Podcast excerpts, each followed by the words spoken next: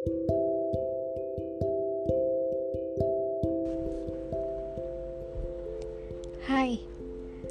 selamat datang teman-teman.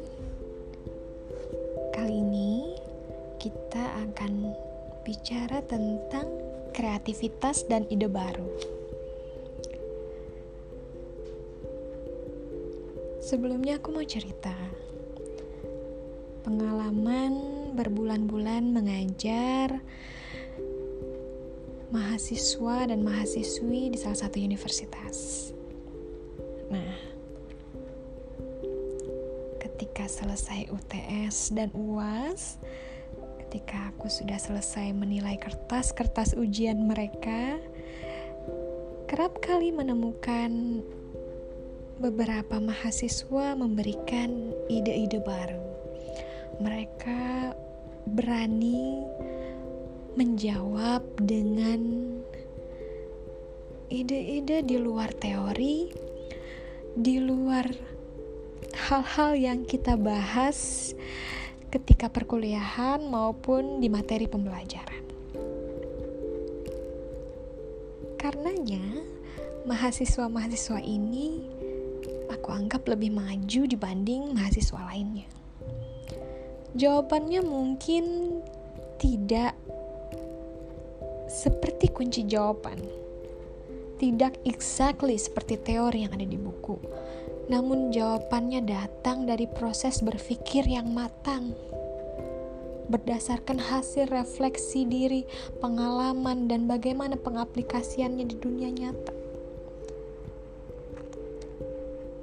Mahasiswa dan mahasiswi yang lain mungkin sangat kompeten Mungkin jawabannya persis seperti kunci jawaban, jawabannya persis seperti yang ada di buku. Jawabannya persis seperti yang ada di Google. Namun seperti yang kita bayangkan, yang seperti ini sangat membosankan gak sih?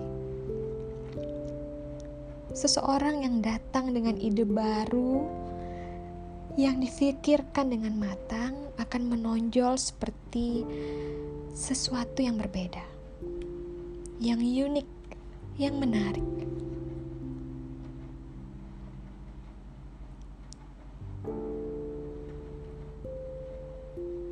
Rasa-rasanya hal ini juga bisa terjadi dalam sebuah percakapan. Banyak orang bisa membuat percakapan yang masuk akal, yang kompeten konten, tapi biasanya sangat membosankan. Ide-ide baru jadi hal yang langka karena kita semua udah diajarin buat menilai dan menganalisis, tapi nggak pernah untuk menjadi kreatif. Dulu ada semacam mitos lucu yang menyatakan kalau kreativitas itu bakat mistis yang cuma dimiliki hanya oleh beberapa orang. Sedangkan yang lain cuma bisa beriri hati ya. Yang pastinya ini cuma mitos. Sama sekali nggak benar.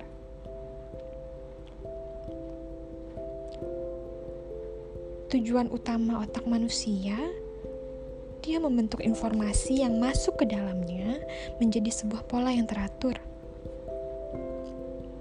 kalau otak kiri kita tidak melakukan ini, hidup kita akan jadi sangat rumit dan lambat.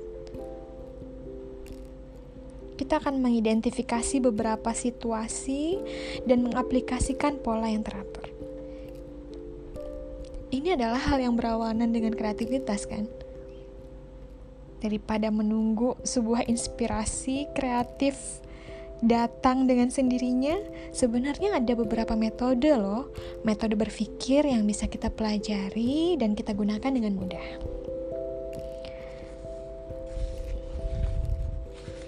Edward de Bono dalam bukunya menciptakan cara berpikir secara lateral.